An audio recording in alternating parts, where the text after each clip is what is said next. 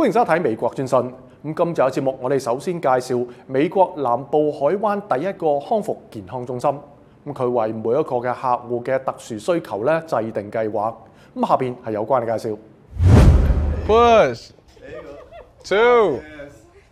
Split Second Foundation is a nonprofit organization committed to breaking barriers for people with disabilities.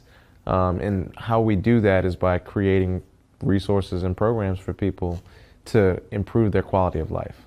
Split Second Fitness is the first rehab based fitness center in the Gulf South, specifically for people who've had paralysis, amputations, or some type of neurological condition. Although now we're seeing people even in like the aging population. The significance was, again, a lot of these people were going through health related situations and being really put in a box with how many visitations they got from insurance. And once they were discharged, they had no place to go to continue their recovery and rehab journey. We've become that place. We founded Split Second Foundation in April of 2018. We opened the first fitness center in February of 2021. It, it started with me. Um, July 4th, 2016, I had a diving accident that left me a C4 quadriplegic. Dove into shallow water and had a burst fracture at the C5 level in my neck. Uh, woke up in the hospital three weeks later uh, on a ventilator to the news that I was paralyzed and may never walk, may never breathe on my own again. I had a really strong support system, and even in my darkest days, they didn't let me get too down. We, uh, after the first year here in New Orleans, we went to Sacramento to check out a facility um, similar to what we operate now, and that was where I really like saw the importance of community, the importance of having a space that was for for me and seeing other people like me thriving, uh, especially immediately after that, still dealing with some of the grief and the depression. That I think was where I saw like that light in the darkness, and I wanted to be able to provide that light to everybody else here that didn't have it. We did it on the mat. Just pushing. Right now, Split Second Foundation operates two programs, and they're very unique Split Second Fitness and Split Second Cares.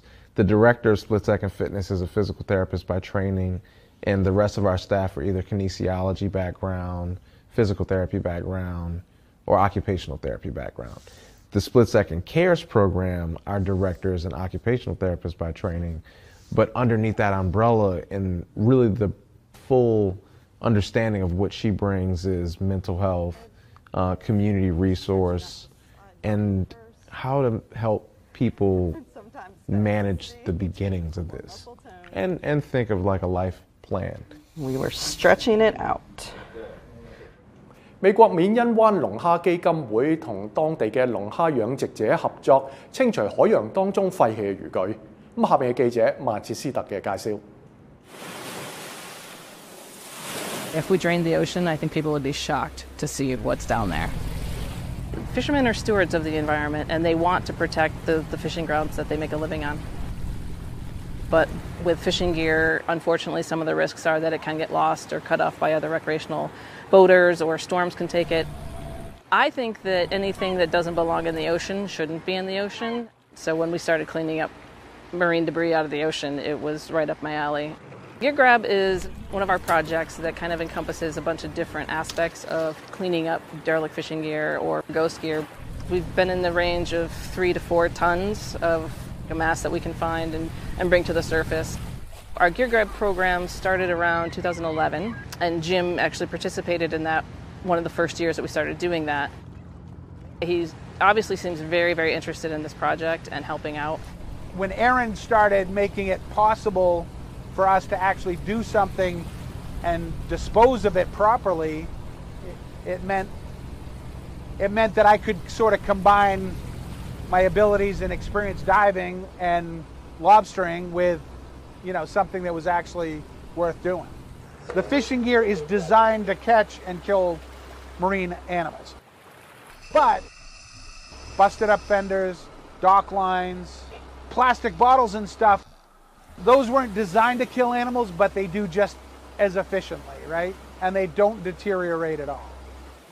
Our problem is a public education one, really. I think that people need to really start understanding their impact. What's affecting the ocean negatively that we can change about the way we live. My hope is that, you know, a project like this is what kind of educates people and makes them more aware of what they can do